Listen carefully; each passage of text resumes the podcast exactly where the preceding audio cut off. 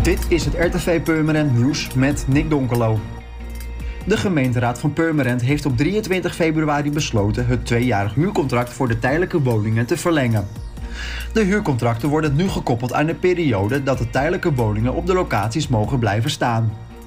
De woningen van 25 vierkante meter staan in het Karakietpark, de Etzerstraat, de Kanaaldijk en de Verzetslaan. Ze worden via loting toegewezen aan inwoners die minimaal 6 maanden in Purmerend wonen. Geïnteresseerden voor deze woning kunnen zich hiervoor aanmelden tot en met 24 maart en in april vindt dan de loting plaats.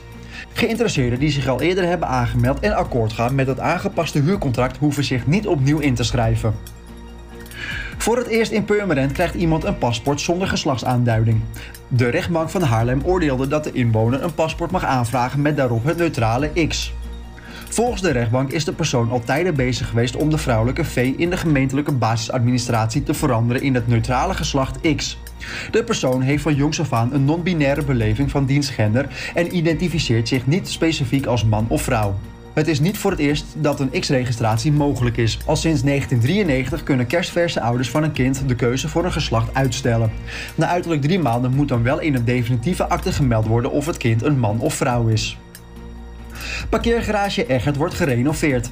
Wereldhaven is sinds maandag gestart met de werkzaamheden.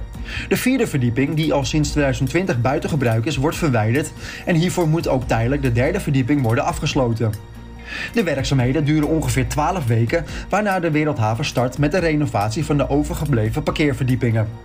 Tijdens de renovatie is steeds een deel van de garage buiten gebruik. Door de werkzaamheden is tijdelijk minder parkeerruimte aanwezig. Bij de parkeergarage Egert staan borden met verwijzingen naar de overige parkeerterreinen. Ook werkt de gemeente eraan om het dynamisch parkeersysteem weer te laten werken.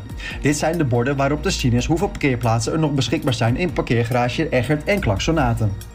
Voor meer nieuws, kijk of luister natuurlijk naar RTV Purmerend. Volg onze socials of ga naar onze website, dat is www.rtvpurmerend.nl.